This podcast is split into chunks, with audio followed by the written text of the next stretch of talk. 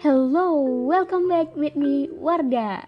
If in the last episode I tell you about 10 new tourism destination in Indonesia, in this episode I will share about Bali snorkeling spot, the best places to admire underwater life in Bali. Then, when talking about Bali, what in your mind? You might think about beautiful nature, friendly people, or unique culture? Have you ever think about the underwater life to be explored in Bali coast?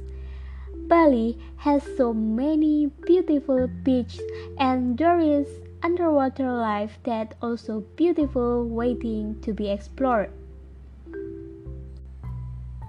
The first place is Nusa Dua.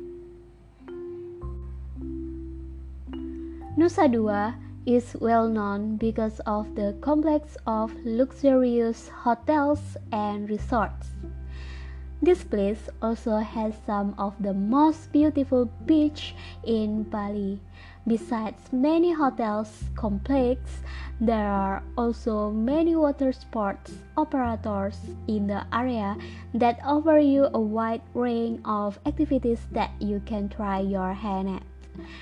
From those activities, snorkeling is one of the activities that attract many people to come and enjoy the activities. You can also enjoy the underwater life in Pantai Geger, in the south of the famous Santo Regis Hotel and the Mulia Resort. For the next is Menjangan Island. One of the best Bali snorkeling spots is Menjangan Island, located in the northwest of Bali.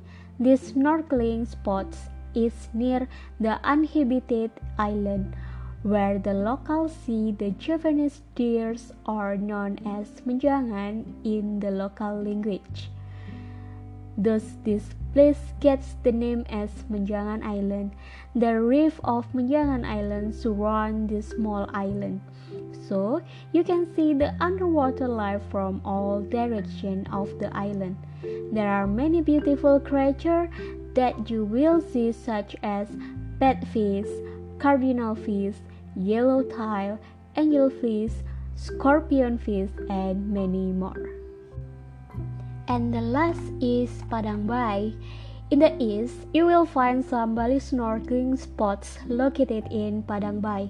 Padang Bai is famous because of the harbor that connects Bali and Lombok. Besides of the harbor, there are also two spots for snorkeling, like Tanjung Jepun and Blue Lagoon. The two places are not far away from the harbor.